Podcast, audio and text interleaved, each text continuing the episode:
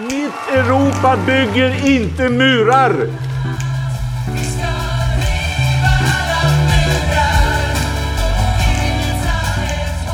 Syftet med de åtgärder som vi nu presenterar är att skapa ett andrum för svenskt flyktingmottagande. Mycket av det som regeringen sa igår ställer ju oss vi positiva till och vi tror också att en del av det kan dämpa trycket. Men vi är fortfarande oroliga för att det inte kommer att vara tillräckligt. Snälla, gör inte det här. Splittra inte familjer. Utsätt inte människor för ännu större risker.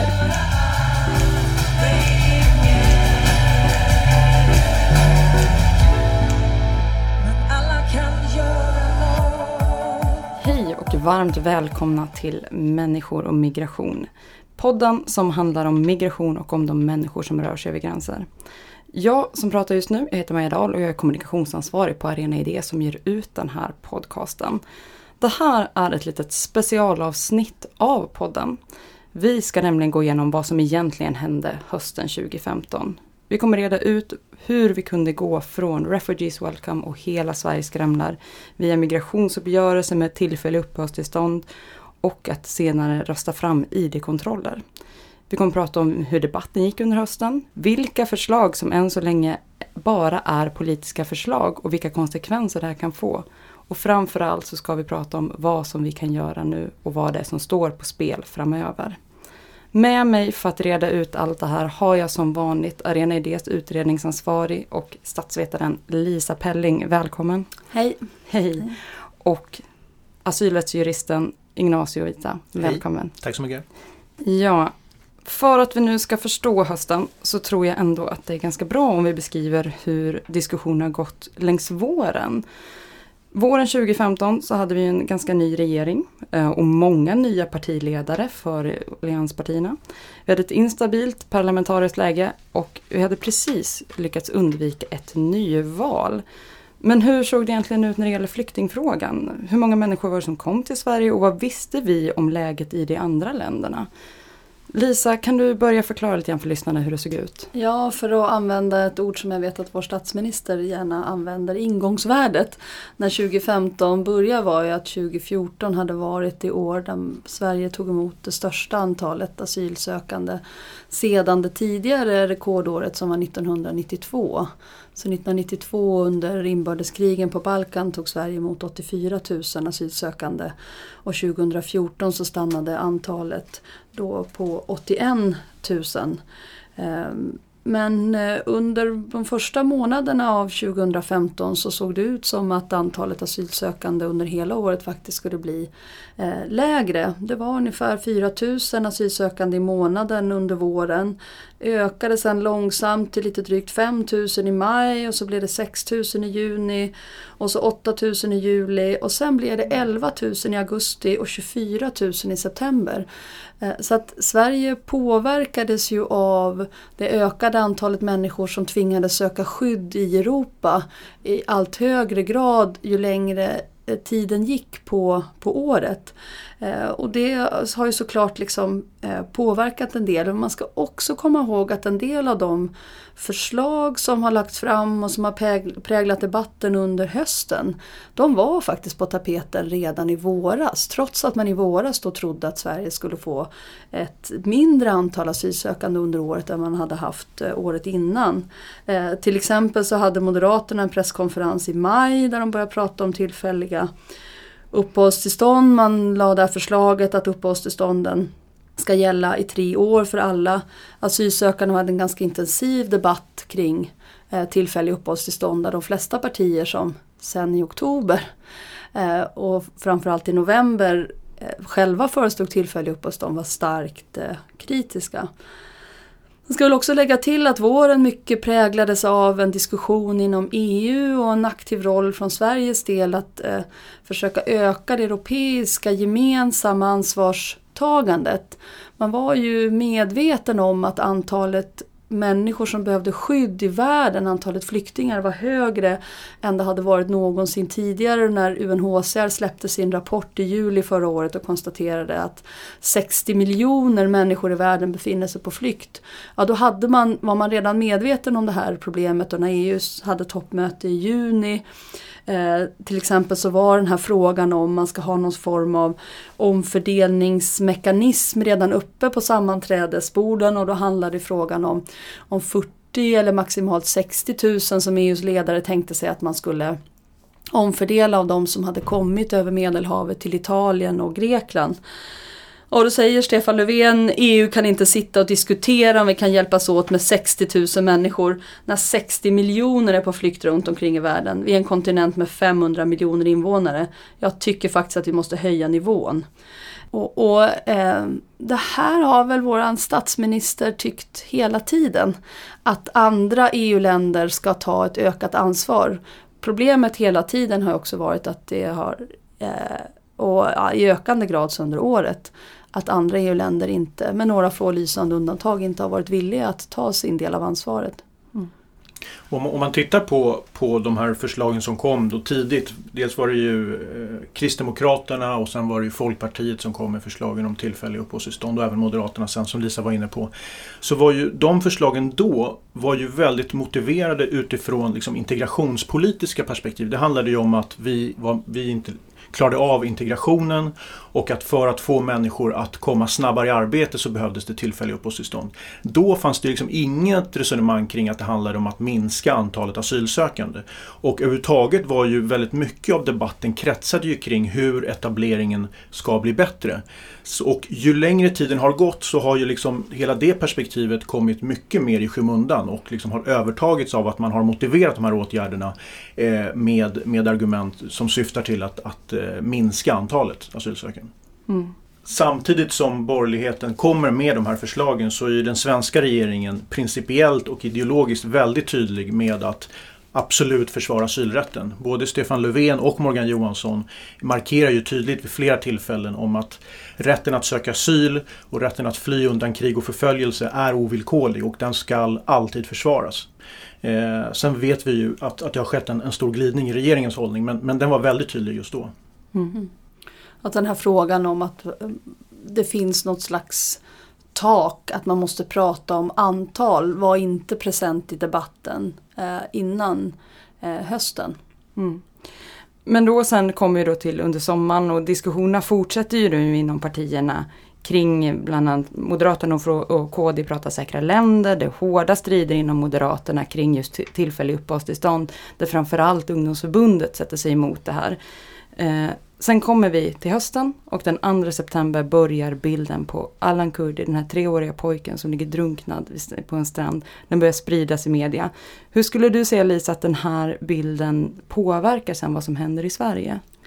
Så jag, jag, tror att många av oss minns den här tiden med väldig eh, värme. Det var som en brittsommar där i, i september när det gäller medmänsklighet och solidaritet. Det var ju fantastiskt engagemang av, av frivilliga som, som engagerar sig från Westbahnhof i Wien, gränsen mellan Österrike, Ungern där människor tog sig över, upp i hela Tyskland på, på tågstationerna i München, i Berlin eh, och sen även på centralen i Stockholm, i Malmö, Göteborg där, där människor var ute för att, för att välkomna och ta emot folk och, och debatten präglades väldigt mycket av det här. Eh, var fantastiskt att eh, det finns så många människor som är villiga att engagera sig, som vill lägga tid, eh, som vill lägga sitt engagemang på att, att Sverige verkligen ska ge skydd till de människor som söker sig till oss för att, för att, för att få det. Och man konfronterades också för första gången med eh, det faktum att det fanns människor som reste genom Sverige utan att vilja söka asyl hos oss och det var någonting som myndigheten hade lite svårt att hantera. Det fanns ett system för om man lämnar in en asylansökan eller anmäler sig vid Migrationsverket så fanns det och det visade sig vara bräckligare än vi trodde att ge eh, någonstans att sova över natten, någonting att äta och de som man kallar för transit flyktingar, människor som, som upplevde att man hade större möjligheter att få skydd i Finland eller i Norge och som bara reste genom eh, Sverige. Men det, det, kom ju också in i, i debatten då. Jag skulle säga att ett annat viktigt datum där under hösten är den 6 september när eh, Stefan Löfven står på Medborgarplatsen i Stockholm och håller ett Eh, tal som ofta citeras. Jag var själv där och lyssnade på honom i spöregnet var det då faktiskt. Han faktiskt lyckades värma oss som stod där med ord om att hans Europa inte bygger murar. Eh, och det var många av oss som redan då funderade på om det inte hade kunnat vara ett mer konkret tal men precis som Ignacio sa tidigare man upplevde nog att viljeinriktningen fanns där, att den principiella hållningen var klar. Ehm, att ambitionen var, var väldigt tydlig. Däremellan sen så kommer vi ju till, alltså de, dels så har vi ju den här stora galan med hela Sveriges Skramlar. Eh, och sen en månad, lite, lite drygt en månad efter att Stefan Löfven har stått och pratat om att hans eh, Europa inte bygger några murar, så lämnar KD dö. Skulle ni säga att, alltså, vad hade det för påverkan på vad som, på politiken som kommer därefter? Alltså när Kristdemokraterna bestämmer sig för att överge eh, decemberöverenskommelsen och det var ju egentligen inte partiet utan det var ungdomsförbundet som motionerade om det här på, på KDs stämma och sen eh, fick hela partiet på fall och därmed hela eh, alliansen. Så blev det som man kallar det parlamentariska läget ännu mera osäkert, ännu mera utsatt och jag tror att, att det här eh, säkert kan ha påverkat hur regeringspartierna agerar i den här frågan. Men man ska inte glömma bort att också antalet människor som sökte sig till Europa, eh, det växande behovet av att ge skydd åt människor, inte bara i Sverige men också i Sverige, också påverkade den här debatten. Eh, och en upplevelse som vi inte alla delade men som en del var väldigt besatta av att Sverige inte hade kapacitet att ta emot människor, att det fanns någon slags eh, gräns för hur många boendeplatser man kunde eh, ordna fram, att man tyckte att man hade svårt att ge tak över huvudet. Eh, I själva verket så vet vi ju att när vi summerar hösten så var det bara en natt som människor inte fick tak över huvudet. En natt och 164 000, 163 000 människor som sökte asyl i Sverige förra året. Mm. Men nu är vi ju alltså framme i oktober och till skillnad från tidigare när Löfven hållit undan de tillfälliga uppehållstillstånden så öppnar han upp den 12 oktober i en debatt i P1 att faktiskt prata tillfälliga uppehållstillstånd. Och den 15 oktober så går Migrationsverket ut med en prognos över att det kan komma eh, ett scenario med 150 000 människor till Sverige under 2015. 23 oktober kommer den stora då blocköverskridande migrationsuppgörelsen mellan regeringen och allianspartierna. Men vad var det då egentligen som, som de kom överens om? Och, och jag tycker att vi kan hålla oss till det migrationsrättsliga för det var ju en del som handlade om etablering och RUT och sånt. Men vad i, i det migrationsrättsliga var det Ignacio, kan du eh, sammanfatta vad det var man bestämde?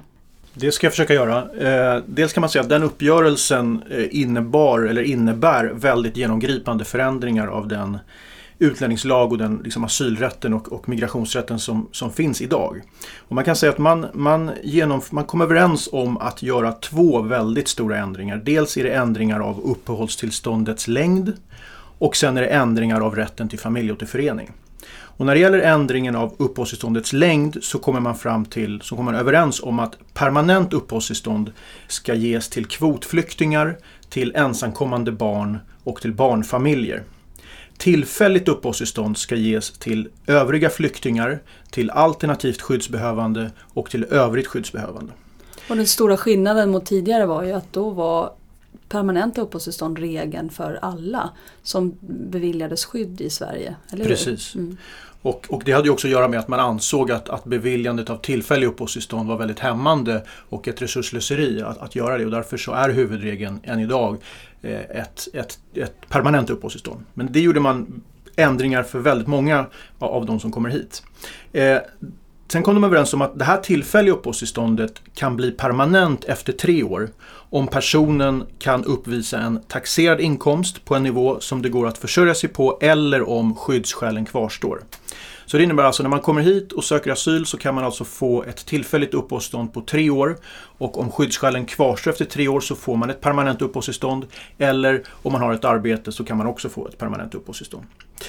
Sedan kom man till nummer punkt, punkt två som alltså är ändring av rätten till familjeåterförening där man kommer fram till att vid tillfälliga uppehållstillstånd så ska flyktingar, alternativt skyddsbehövande och övriga skyddsbehövande ha en rätt till familjeåterförening motsvarande den som gäller enligt EU-rätten. Så står alltså i överenskommelsen. Men Enligt EU-rätten, alltså miniminivån i EU-rätten innebär att endast flyktingar har rätt till familjeåterförening. Så att det man kom egentligen kom överens om det är alltså att alternativt skyddsbehövande, övrigt skyddsbehövande får, får ingen rätt till familjeåterförening längre utan det gäller bara flyktingar. Och det här är en väldigt genomgripande förändring som många av oss tror att man medvetet döljde bakom den här formuleringen enligt EU-rätten. För det ger ju intrycket av att EU-rätten ger en sån rätt till familjeåterförening. Jag tänker att, att man där ska vara liksom tydlig om vilka grupper det här handlar om. Alltså de som får uppehållstillstånd eh, av skyddsskäl i Sverige som alternativt skyddsbehövande eller övrigt skyddsbehövande. Det är till exempel människor från Syrien som inte har ett individuell, inte kan bevisa att de är offer för individuell förföljelse men som flyr från ett land som befinner sig i inre väpnad eh, konflikt. Så den här reglerna om förbud eller avskaffande av familjeåterförening är direkt så att säga drabbar syriska flyktingfamiljer som har skilts åt under flykten. Man kan säga att de absolut flesta som får stanna på grund av skyddsskäl blir ju eh, betraktade som alternativt skyddsbehövande som det heter. Och det innebär i praktiken att alla de personer som kommer hit och får ett uppehållstillstånd på grund av att de är alternativt skyddsbehövande, de kommer inte att kunna återförenas med sina familjer. Det är så att säga innebörden av den överenskommelsen som regeringen eh, eh gjorde med, med då allianspartierna. Det handlar om nästan 60 procent av de som fick tillstånd 2014. Som fick enligt de eh, kategorierna och enligt de bestämmelserna som alltså inte ger rätt till familjeåterförening. Det var ungefär en tredjedel enbart som fick eh, uppehållstillstånd som, som, som flyktingar, alltså enligt FNs flyktingkonvention. Mm. Och det gäller ju även barn. Vad fick då den här uppgörelsen och de här, de här åtgärderna, vad fick de för reaktioner när de kom? Ja, det finns ju några organisationer i Sverige som är experter på de här frågorna. Rädda Barnen jobbar väldigt intensivt med flyktingfrågan. Röda Korset gör det. De är ju den organisation i världen som är eh, de som sysslar med familjeåterförening, eh, att, att hitta hitta anhöriga. Det är en uppgift som har varit Röda Korsets uppgift sedan Röda Korset eh, grundades. Det finns eh, Amnesty, en stark röst i den här, i den här debatten. Men jag, jag skulle säga att, att reaktionerna på den här överenskommelsen i oktober var väldigt starka. Men inte så starka som de hade behövt vara med tanke på den oerhört allvarliga konsekvensen av den här överenskommelsen. Som, som Inasso säger, den, den överen, partierna kom överens om inte att begränsa möjligheten till familjeåterförening utan för stora grupper, kanske 60 procent av alla som får skydd i Sverige, helt och hållet avskaffa möjligheten att när man väl har fått skydd i Sverige faktiskt få återförenas med sin familj. Vilket ju Eh, på ett sätt är att man tar bort själva meningen med skyddet. Vad är det för poäng med att ge en människa skydd och tvinga den här människan att resten av livet leva utan sin familj? I ständig oro för att den inre väpnade konflikt som man själv har flytt ifrån ska drabba familjen. Och, och det som vi har lyft upp tidigare är ju att en direkt konsekvens av den här överenskommelsen är att människor tog beslutet att ta med sig barnen i båtarna. Att den här möjligheten att en stark ensam man med familjens, släktens kanske samlade resurser tar sig till Sverige för att mamma och barn sen ska kunna ta en säker väg efter. Den försvann för väldigt stora grupper av asylsökande. Och det här tycker jag själv att Rädda Barnen, Röda Korset, ja de kanske hade kunnat vara ännu tydligare med att tydliggöra det här. Många journalister hade behövt fråga, fråga igen. Vad innebär den här överenskommelsen? Förstod politikerna, förstod partierna, förstod organisationerna? Ja, inte säkert. Och konsekvenserna av det tror jag är svårt än idag. Det, det, finns fortfarande ett väldigt starkt behov av att informera om dels de här, den här överenskommelsen, vad den faktiskt innebär och vilka konsekvenser den får för människor. Alltså att inte få hit sin familj som Lisa är inne på innebär ju Alltså man drar ju undan mattan för alla de här människorna att kunna etablera sig i Sverige. Och det är också det som blir liksom problematiskt här när, när Löfven, han gick ut och sa jag tror att det var, det var inte så länge sedan han sa att, att vi, nu har vi gått från en krissituation och vi måste nu in i en etableringsfas där, där människor ska ges möjlighet att få, att få etablera sig både för sin egen skull och för Sveriges skull. Samtidigt som man ju kommer överens om en överenskommelse som helt drar undan mattan för möjligheten att hamna i den här etableringsfasen som han säger. Eh, men jag tror också att många, reaktionen blev väldigt, jag tror att många kände sig ganska traumatiserade nästan på grund av att regeringens så tydligt principiella och ideologiskt klara linje under hela våren som ju var att absolut inte tumma på asylrätten, absolut inte försämra möjligheterna för människorna, tvärtom att, att skapa förutsättningar för etablering gick ju över i någon slags motsatt, lika principfast och lika liksom, hård linje med att faktiskt börja tumma på allt det här. Att börja försämra för, för eh, asylsökande. Och att, att det också blev en, en, som en sanning som inte riktigt gick att ifrågasätta. Det fanns liksom ingen, ingen möjlighet att, att diskutera. I, har vi verkligen en systemkollaps i Sverige? Det gick nästan inte att, att, att eh, liksom ifrågasätta den, den bilden och det tror jag gjorde också att många organisationer hamnade i en, i en väldigt defensiv defensiv situation. Nu åligger det eh, både människorättsorganisationer och andra organisationer att verkligen pedagogiskt förklara vilka enorma konsekvenser det här kommer att få inte bara för de som är på väg hit utan framförallt för de som redan är här och för Sveriges möjligheter att hantera den här flyktingkrisen. Mm. Men de här, det här åtgärdspaketet och den här överenskommelsen kom ju den 23 oktober. Och en månad efter, den 24 november, så kallar regeringen till presskonferens och presenterar då ett, ett åtgärdspaket. Och innan så här, vi går in på exakt vad de här åtgärderna bestod av, kan man säga någonting om så här, hur, den här, hur, hur såg situationen ut just då? Ja, eh, man, man kallar ju det här åtgärdspaketet för att försöka att skapa andrum för svenskt flyktingmottagande. Jag tror att den känsla som dominerade då i, i, liksom i november var att eh, antalet asylsökande per eh, vecka var så högt att det var på väg att bli ohanterligt. Eh, och det var ständigt liksom krisrubriker i tidningarna om att snart har vi inte några boendeplatser kvar, snart får folk slova utomhus. Eh, vi vet ju nu att Eh, och det förekommer fortfarande debatten, vi hade 10 000 asylsökande per vecka. Det var en vecka som det var 10 000 sökande.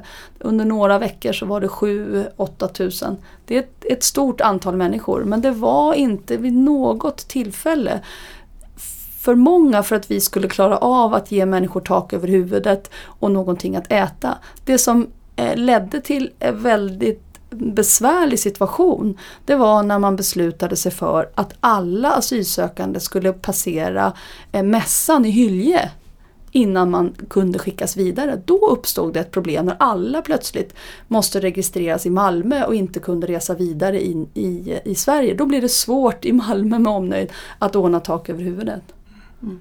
Och det blev ju i debatten tydligt att hela mottagningssystemet var ansträngt och det är väl egentligen ingen som har, som har ifrågasatt det egentligen. Men, men det var ju också, det var många, det var ett antal kommuner som lex anmälde sig och sa att vi klarar inte av det. Men det var många, många fler kommuner som sa att vi kan göra mer.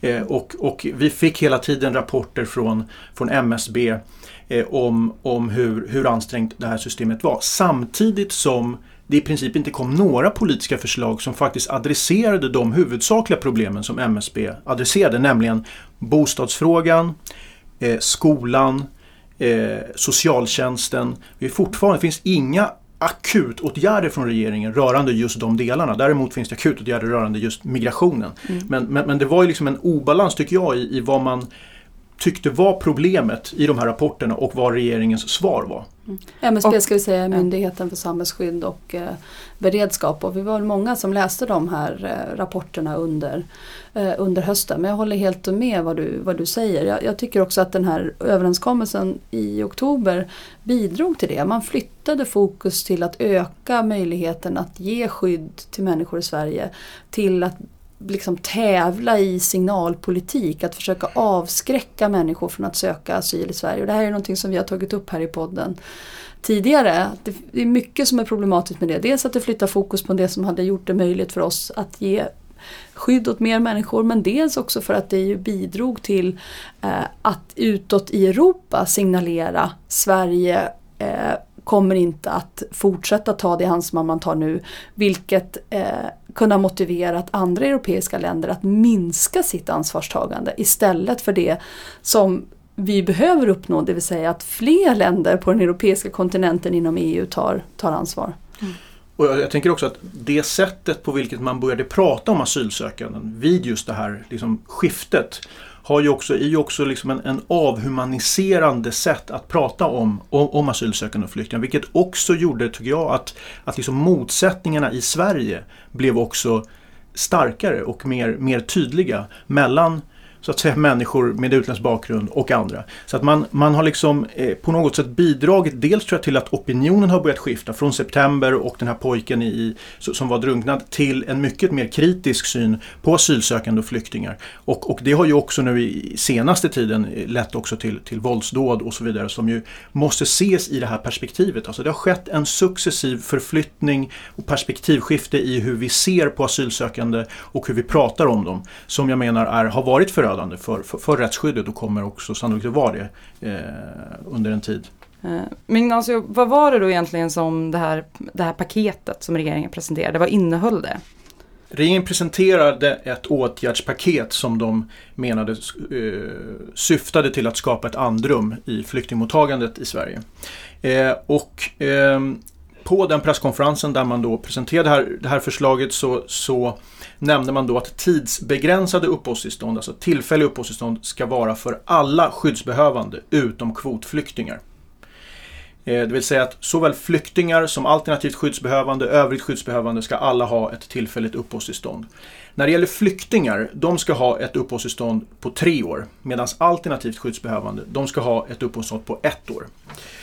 Ehm, Sen nämnde man också att huvudregeln ska vara att vid förlängning så ska det också vara ett tidsbegränsat tillstånd. Det vill säga inte ett permanent uppehållstillstånd efter tre år som man kom överens med Alliansen. Utan flyktingar ska genomgå en ny prövning där de alltså riskerar att bli utvisade vart tredje år. Och alternativt skyddsbehövande, alltså den stora majoriteten av de som får stanna i Sverige, ska genomgå en ny prövning varje år där de riskerar att bli utvisade. Och då ska vi gå tillbaka till liksom storleksförhållandena här. Kvotflyktingar handlar alltså om 1900 personer per mm. år. Några få procent av de som beviljas skydd i Sverige. Och de som beviljas skydd som flyktingar enligt FNs flyktingkonvention, det handlar om en tredjedel 2014. Och resten handlar alltså om över, eh, om, om nästan 60 procent som då alltså ska få tillfälliga uppehållstillstånd tills vidare varje år behöva förnya sitt uppehållstillstånd. Även då barnfamiljer som varje läsår måste förnya sitt uppehållstillstånd. Och sen så kom man överens om eh, ytterligare då begränsningar i rätten till familjeåterförening då. Där man eh, skriver så här att flyktingar med tidsbegränsade uppehållstillstånd bara ska kunna återförenas med sin kärnfamilj.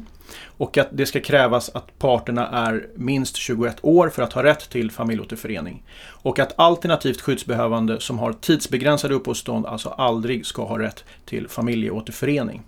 Sen har man eh, infört Eh, ett försörjningskrav. Och då skriver man så här att ett försörjningskrav ska gälla vid all anhöriginvandring utom när flyktingar ansöker om familjeåterförening under de tre första månaderna efter att flyktingstatus beviljats. Alltså det här innebär, och det här försörjningskravet ska vara att man ska försörja sig själv och den som kommer till Sverige. Och det innebär alltså att är du för det första förklarad som flykting så måste du ansöka om familjeåterförening inom de första tre månaderna. För gör du inte det, då har du ett försörjningskrav. Det innebär att den absoluta majoriteten av de som blir betraktade som flyktingar inte kommer att kunna få hit sina familjer förrän de kan försörja sig själv och sin familjemedlem som ska komma hit. För att man måste ha klart för sig att det är otroligt svårt att hitta sina familjemedlemmar när man har flytt ifrån länder som är krigsdrabbade. Eh, många har splittrats under vägen till Sverige och därför så tar det lång tid att hitta familjen och eh, inleda en process eh, kring, kring familjeåterförening. Så att regeringens förslag innebär en allvarlig begränsning av flyktingars rätt till familjeåterförening. Man kanske ska översätta från byråkratsvenska när de svenska myndigheterna pratar om ansöka om familjeåterförening. Då menar man ta sig till en ambassad. I, för som, I somaliers fall så handlar det om att man måste ta sig till den svenska ambassaden i Nairobi och där lämna in en komplett ansökan med födsloattester, eh, ID-handlingar, vigselbevis och detta ska man alltså då klara av inom loppet av tre månader. Eh, och, och, och, det är det som, som, som eh, gör att det kommer att bli väldigt svårt för personer att faktiskt få återförenas med sin familj innan det här försörjningsansvaret slår till. Och då är det försörjningsansvaret då alltså dessutom utvidgat, inte bara den person som redan är i Sverige utan den person som är i Sverige ska kunna försörja sig själv och hela familjen. Försörja sin, sin partner och sina barn. Och där har ju Röda Korset som är den organisation som är de verkliga experterna på det här sagt att det här kommer de allra flesta faktiskt inte att klara av. Röda Korset säger om det här blir verklighet, vi ska påminna oss igen, det är ett förslag, det är inte klubbat genom riksdagen. Röda Korset säger om det här blir verklighet, då måste Röda Korset från dag ett att en asylsökande kommer till Sverige påbörja processen med att hitta den personens familj för att överhuvudtaget ha en chans att när man väl får ett uppehållstillstånd kunna klara av att fylla den här tidsgränsen på tre månader. Och, och det är så att säga de världsledande experterna på att hitta familjemedlemmar som säger det här, det här är ingenting som, eh, som vi hittar på. Och, och, dessutom så säger de ju också att det är all anhöriginvandring som ska ha det här försörjningskravet. Vilket alltså innebär att kommer du hit som ett ensamkommande barn och dina föräldrar ansöker om uppehållstillstånd här som familjeåterförening så måste alltså det här barnet försörja både sig själv och föräldern. Eh, jag vet inte om man kommer att göra några undantag från det när, det här omsätts i, i, i lagtext men, men det verkar inte så utifrån hur de har formulerat sig i, i den här överenskommelsen. Och det innebär ju i praktiken att, att barn eh, Eh, som är flyktingar här kommer inte att kunna eh, återförenas. Och till det ska ju läggas att alla de barn som blir förklarade alternativt skyddsbehövande, de har ju ingen som helst möjlighet att återförenas med sin familj enligt det här förslaget. Utöver det så eh, tar man även bort eh, kategorin övriga skyddsbehövande och man tar bort uppehållstillstånd på grund av sär, synnerligen eller särskilt ömmande omständigheter och ersätter det med uppehållstillstånd på grund av humanitära skäl i vissa mycket begränsade undantagsfall. Och sist men inte minst så säger regeringen också att man vill att medicinska åldersbedömningar eh, ska tillämpas i högre utsträckning än vad som har skett tidigare. Då kan men, man säga att de här två sista är någonting som eh, drabbar ensamkommande barn som söker skydd i Sverige väldigt hårt. För eh, det är en liten andel av de uppehållstillstånd som beviljas varje år som beviljas till människor just på det som kallas synnerligen eller särskilt ömmande omständigheter. Men i den gruppen så är väldigt många just eh, ensamkommande. Så att det här är liksom direkt riktat mot den eh, gruppen och det är väldigt barnfientlig, eh, väldigt barnfientliga förslag. Mm. Det man kan säga är ju att väldigt många barn blir ju inte flyktingförklarade utan de, de anses ju inte ha en, liksom en individuell hotbild utan de är, de är väldigt eh, utsatta i och med att de är barn. Och många saknar ju också vårdnadshavare, till exempel afghaner, somalier. Och de får oftast uppehållstillstånd på grund av särskilt ömmande omständigheter för att det går helt enkelt, det finns inga barnhem, det finns inga godtagbara mottagningsförhållanden i deras hemländer. Och därför så, så är de för det första inte skyddsbehövande på det sättet men, men det finns inte ett, ett mottagningsförhållande missförhållande som är okej och därför får de på särskilt ömmande omständigheter. Det är väldigt många barn det här rör sig om. Och, och alla de kommer ju sannolikt att få utvisningsbeslut på sig. Eh, just för att man tar bort den här den här, det här särskilt, särskilt ömmande omständigheter. Och vilka de här humanitära skäl i vissa mycket begränsande undantagsfall är, det, det återstår ju att se. Men sannolikt så är det ju än en gång en miniminivå. Nämligen eh, den typen av situationer där en utvisning riskerar att, att utsätta någon antingen för, för liksom omänsklig eller förnedrande behandling enligt artikel 3 i Europakonventionen eller om det är ett brott mot artikel 8, nämligen rätten till, till familjeliv. Mm. Det, var, det är vad man kan anta utifrån det här. Men vi får ju alla hoppas att det här är förslag som stannar på pappret som förslag och faktiskt inte klubbas i riksdagen. Mm. Man påminner om igen att det är viktigt att våra vänner riksdagsledamöterna, svenska folkets representanter, folkvalda förstår konsekvenserna av det som nu ligger på bordet som förslag eh, och faktiskt lyfter ur dem i det här paketet. Men jag tänker, ja, vi kommer tillbaka till det. Men är det inte så att den här regeringen i sin regeringsförklaring även sa att eh, barnkonventionen ska bli svensk lag. Hur går det ihop med de här sakerna som jag ändå tolkar utifrån det ni säger nu som slår väldigt hårt mot just barn? Verkligen, det är en jättebra fråga och förhoppningsvis så, så finns det ett avsnitt i, i den lagrådsremissen som kommer eh, där regeringen resonerar kring det. Eh, jag tror ju att, att flera av de här utvisningarna som, om det här blir verklighet så kommer det ju bli så att många fler barn kommer att utvisas ifrån Sverige. Och eh, då ankommer det än en gång på MR-organisationer och advokater och andra att driva de här målen till internationella MR, MR-domstolar och organ för att just få det prövat i vilken mån det faktiskt är förenligt med barnkonventionen, Europakonventionen, eh, EU-rätten att, att genomföra den här typen av, av, av utvisningar. Eh, så att det är, en, det är en väldigt relevant fråga som kommer att aktualiseras väldigt mycket om de här åtgärderna blir, blir verklighet. Mm. Men det är också relevant att konstatera att vi vet en del om det här. Det finns ju en anledning till att de här bestämmelserna finns i den svenska lagstiftningen just nu. Det är humanitära landvinningar som har kämpats dit av människorättsorganisationer, av barnrättsorganisationer, av enskilda, av församlingar, av fotbollsklubbar, av klasskompisar till människor som hotas av utvisning. Just för att vi i allmänhet inte tolererar att vi behandlar barn på det här sättet. Vi vet ju det redan nu. Och det är viktigt att de, att de folkvalda ska inte vänta tills de här fallen kommer upp i Europadomstolen. Mm. De kan sätta stopp för dem redan nu. Och, och, det är det som är viktigt utifrån ett folkvaldsperspektiv. Att, att det man gör genom det här det är ju att man för över makten från politiken till just domstolar och MR-organ. För det är de som kommer att definiera vad miniminivån är. Och, och när, när, man gör det så, så frigör man sig också från, ett, från, från eh, liksom möjlighet att påverka livsförhållanden för, för barn. Du nämnde ju också Ignacio att eh, regeringen vill införa medicinska åldersbestämningar av, av asylsökande. Att det ska tillämpas. Eh, vi pratar ju en hel del om det i just det, det podcastavsnittet om ensamkommande barn. Så att jag tänker att vi, vi kan skippa det men vi kan konstatera här att det är någonting som kritiseras från de flesta offentliga håll. Både Advokatsamfundet och eh, Läkarsamfundet är kraftigt kritiska mot det. Men precis som du sa Lisa så är det ju en skillnad från det här åtgärdspaketet och den uppgörelse som regeringen har med Alliansen. Och att, det, att just uppgörelsen är en uppgörelse men det här är ju förslag. Kan ni, kan ni förklara lite grann, så här, vad, vad är skillnaden mellan det man har mellan uppgörelsen och mellan förslagen?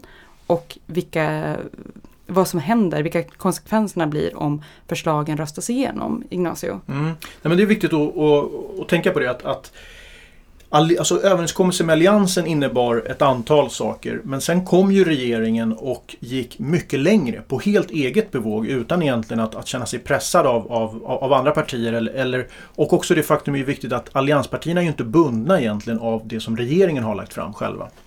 Men överenskommelsen med Alliansen, där sa man ju att ensamkommande barn, barnfamiljer och kvotflyktingar, de får permanent uppehållstillstånd. Medan andra, de övriga, får tillfälliga uppehållstillstånd.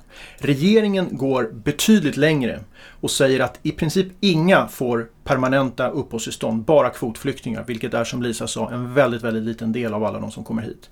Alla andra får tillfälliga uppehållstillstånd. Så att det är ju en, en, en mycket allvarlig inskränkning, framförallt gentemot ensamkommande barn och deras, deras familjer. Den andra punkten så säger överenskommelsen med, familj, med Alliansen att alla får ett permanent uppehållstillstånd efter tre år om skyddsskälen kvarstår eller om man har fått ett arbete. Regeringen går även där betydligt längre och säger att de flesta som får tillfälliga uppehållstillstånd, de får absolut inte permanenta uppehållstillstånd utan får förlänga det hela tiden. Först efter tre år om man är flykting eller, ett år, eller efter ett år om man är alternativt skyddsbehövande. Eh, Sen står det i, i, i, regeringens förslag att de som har ett jobb som de kan försörja sig på ska ha möjlighet att få ett permanent uppehållstillstånd. Men det är väldigt oklart när de kan få det och under vilka förutsättningar eh, som, som det kan bli så. Sedan säger överenskommelsen med Alliansen att enbart flyktingar får rätt till familjeåterförening och eh, att det, inte sk det, det ska vara ett försörjningskrav men endast för de som är svenska medborgare. Annars så finns det inga som helst försörjningskrav. Även där går regeringen tydligt längre och säger Dels säger de samma sak som med Alliansen, nämligen att enbart flyktingar har rätt till familjeåterförening, men det införs ett försörjningskrav för alla som ansöker om familjeåterförening tre månader efter att flyktingstatus har beviljats, som vi var inne på. Och det här försörjningskravet omfattar då både sig själv och den andra familjemedlemmen. Så att på de tre punkterna så kan man säga att regeringen går tydligt längre än den överenskommelsen med Alliansen. Överenskommelsen med Alliansen så behöll man uppehållstillstånd på grund av synnerligen och särskilt ömmande omständigheter. Regeringen gör där också en tydlig eh, ett tydligt steg i, i, i försämrande riktning där man helt och hållet avskaffar möjligheten till uppehållstillstånd på grund av synnerligen eller särskilt ömmande omständigheter och ersätter det med uppehållstillstånd på grund av humanitära skäl i väldigt få undantagsfall. Eh, och regeringen eh, går även längre när det gäller medicinska åldersbedömningar där, där man då vill, vill börja använda dem i större utsträckning. Så att liksom konsekvensen av det här är ju tydligt att den överenskommelsen som man slöt med Alliansen var naturligtvis allvarlig, det ska man inte sticka under stolen med. Men regeringens så kallade åtgärdspaket för att skapa ett andrum i flyktingmottagandet tar ett antal kvalitativa steg för att försämra förhållandena för asylsökande och framförallt för barn eh, på ett sätt som, som är väldigt viktigt att få fram. Eh, inte minst för de som kommer att rösta om det här. Men då har vi alltså tagit oss från september och gått från Allan Kurdi i vattenbrynet, Hela Sverige skramlar och eh, Löfvenska Europa där man inte bygger några murar. Vi har en migrationsuppgörelse mellan e-, Alliansen och regeringen och en väldigt tårfylld presskonferens en månad efteråt där då det här åtgärdspaketet presenterades. Sen i december så röstade riksdagen igenom ID-kontrollerna som vi nu ser vid eh, Öresundsbron. Och där har vi egentligen gått igenom höstens turer. Sammanfattat det ganska komprimerat. Men var är det vi står nu? Vad skulle ni säga bör göras för att, om man så kan säga det inom asylrätten, rädda det som räddas kan? Lisa? Var, var är vi nu någonstans? Här i liksom början av februari 2016? Jo, vi är i ett läge där de förslag som ligger på bordet innebär att ensamkommande barn som tidigare har fått möjlighet att stanna i Sverige av särskilt ömmande omständigheter inte får någon möjlighet att stanna överhuvudtaget att eh, de 60 procent av människor som tidigare fått uppehållstillstånd i Sverige eh, för att de behöver vårt skydd som har fått det som alternativt eller övrigt skyddsbehövande inte har någon som helst rätt till familjeåterförening och får tillfälliga uppehållstillstånd som ska förnyas varje år för barnfamiljer en gång varje läsår. Och så pratar vi om de tredjedel ungefär som trots allt får skydd i Sverige som flyktingar, de får inte heller återförenas med eh, sin familj om man inte kan eh, försörja dem. Och det här försörjningskravet gäller inte bara den person som befinner sig i Sverige utan alla familjemedlemmar som man vill återförenas med och det här gäller även för barn. Så det, här, det här är de förslag som just nu ligger på bordet och jag, om jag liksom kan någonting om politik så tänker jag mig att det är så här att den politiska logiken är att när man gör någonting obehagligt då lägger man ner allting i ett paket. Man lägger ner liksom ID-kontroller och begränsad familjeåterförening och begränsad tillståndstid för uppehållstillståndet i ett enda stort paket och så skjuter man det över eh, sammanträdesbordet, klubbar igenom det tänker man sig och så hoppas man få syssla med annat. Jag tror precis det var den här logiken som styrde det här paketet för att skapa andrum, eh, jag gör citattecken i, i, i luften nu, eh, som regeringen beslutade 24 november. Och det det handlar om nu, tänker jag mig, är för våra folkvalda, för riksdagen, som ska omvandla de här förslagen till lagtext. För det är det, det, det var faktiskt bara regeringens förslag. Och regeringen är Socialdemokraterna och Miljöpartiet. Det är en minoritetsregering som är beroende av riksdagen för att få igenom sina förslag. Och i riksdagen så finns det riksdagsledamöter från de här båda partierna som kan andra åsikter och det finns andra partier. Och nu gäller för de här partierna och för de här individerna att försöka plocka ut delar av det här paketet eh, och se till att eh, inte låta dem bli lagtext överhuvudtaget eller försöka mildra dem. Eh, och där, eh, Eh, hoppas jag att man tar stöd av de organisationer och experter som finns i Sverige som kan de olika delarna. Och att de organisationerna står på tå. Att Rädda Barnen verkligen talar om vad blir konsekvenserna för barnen av de förslagen. Och hur kan man med barnets bästa i sikte eh, förändra dem? Vad bör man göra? Till att börja med vill jag bara eh, återknyta till en sak som jag glömde att säga och det är att de här nya reglerna, om de nu genomförs, så de kommer inte att påverka de personer som sökte asyl innan den 24 november. Så för dem kommer fortfarande att bedömas utifrån den tidigare lagstiftningen. Men den absoluta majoriteten av, eller väldigt många av de som är här idag, kommer ju att drabbas av de här nya reglerna. Och en sak som ändå är, måste vara helt solklar både för politiker och för andra, det är att för de människorna så kommer livet i Sverige att bli otroligt mycket tuffare än för de som kommer att behandlas enligt den tidigare lagstiftningen, den som gäller nu.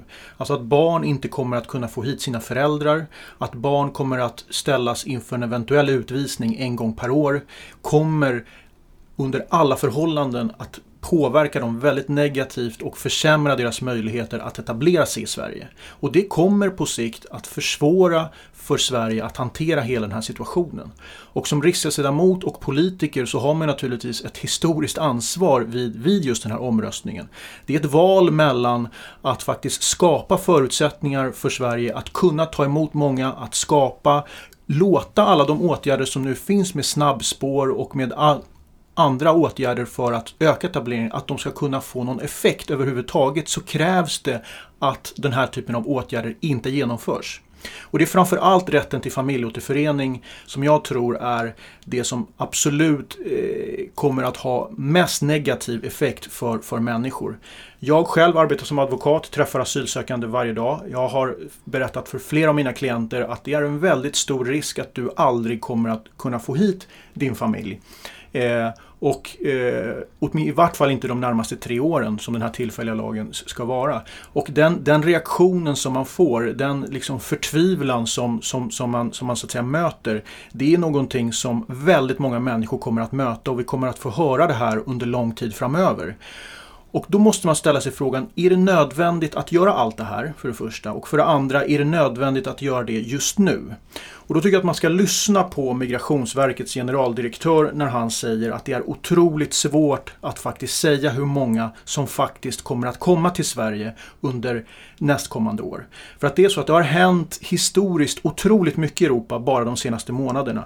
Alltså vi har gränskontroller i väldigt många europeiska länder just nu. Vi har väldigt många europeiska länder som som precis som Sverige har bedrivit en signalpolitik av ganska avancerad art där man har både signalerat och genomfört lag, lagstiftningsåtgärder som på väldigt avgörande punkter begränsar asylsökandes rättigheter men också möjligheter att ta sig upp i Europa. Och det tror jag kommer att eh, påverka antalet människor som kommer hit. I vart fall är det så att det just nu råder ganska stor oklarhet över hur den här situationen kommer att utvecklas. Därför menar jag att just nu är det inte klokt att genomföra så pass ingripande försämringar för så pass många människor som förtjänar en framtid och en möjlighet till en framtid i Sverige.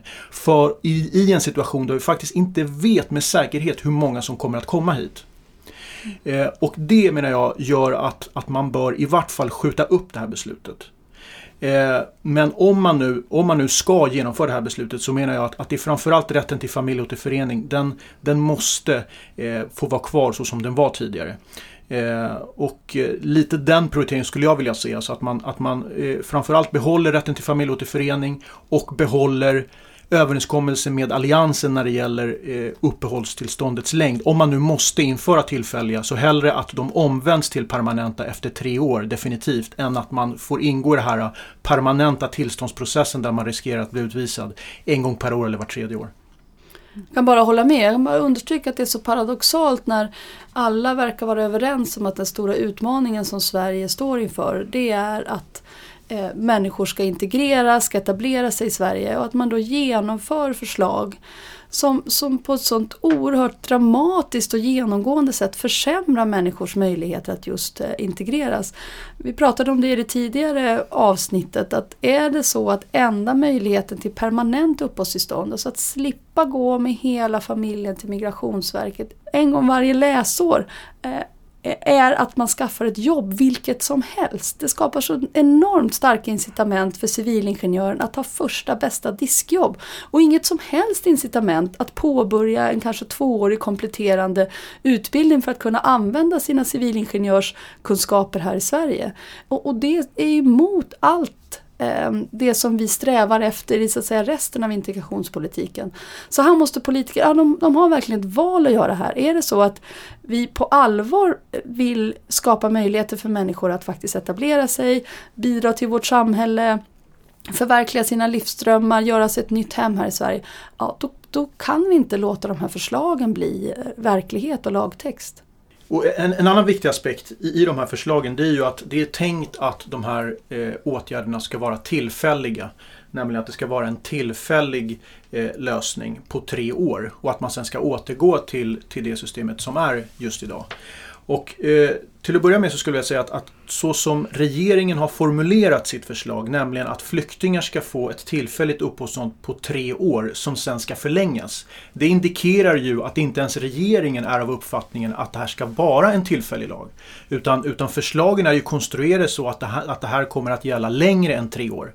Och där finns det en väldigt stor politisk strid ifall, alltså den, det värsta tänkbara scenariot det är ju att allt det här går igenom. Då blir nästa politiska strid blir ju hur gör vi för att bli av med den här tillfälliga lagen som i sin konstruktion tenderar och riskerar att bli permanent.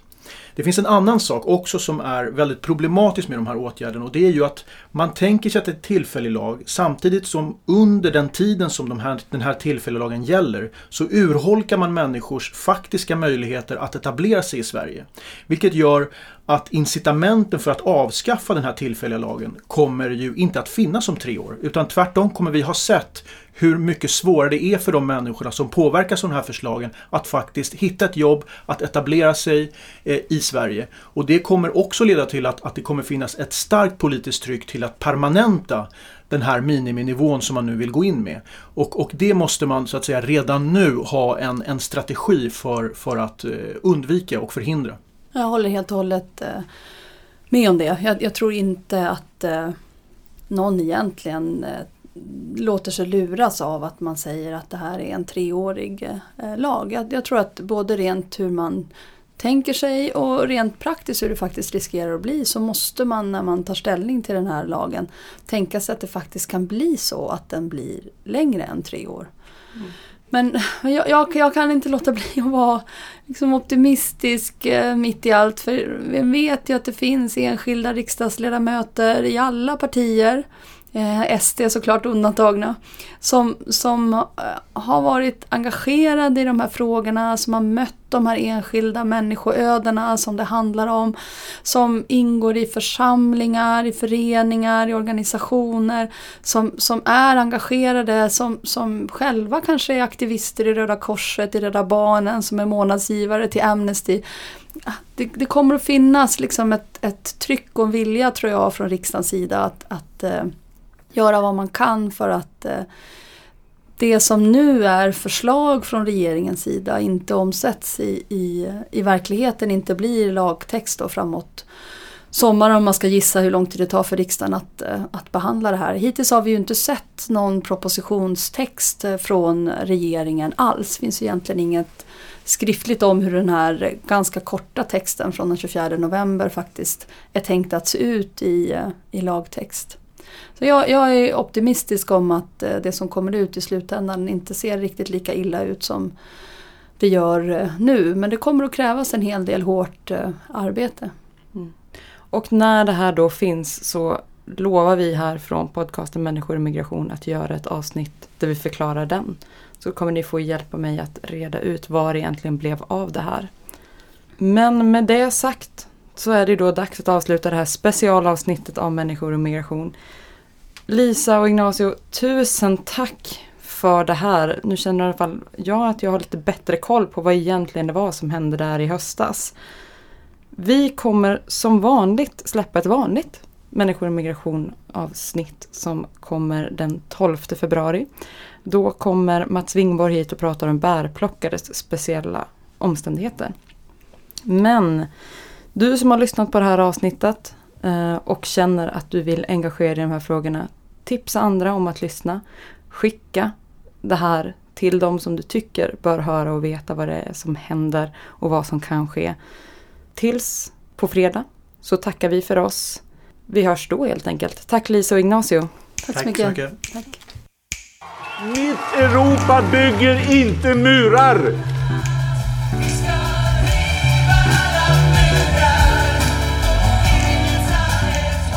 Syftet med de åtgärder som vi nu presenterar är att skapa ett andrum för svenskt flyktingmottagande. Mycket av det som regeringen sa igår ställer ju oss vi positiva till och vi tror också att en del av det kan dämpa trycket. Men vi är fortfarande oroliga för att det inte kommer att vara tillräckligt. Snälla, gör inte det här. Splittra inte familjer. Utsätt inte människor för ännu större risker.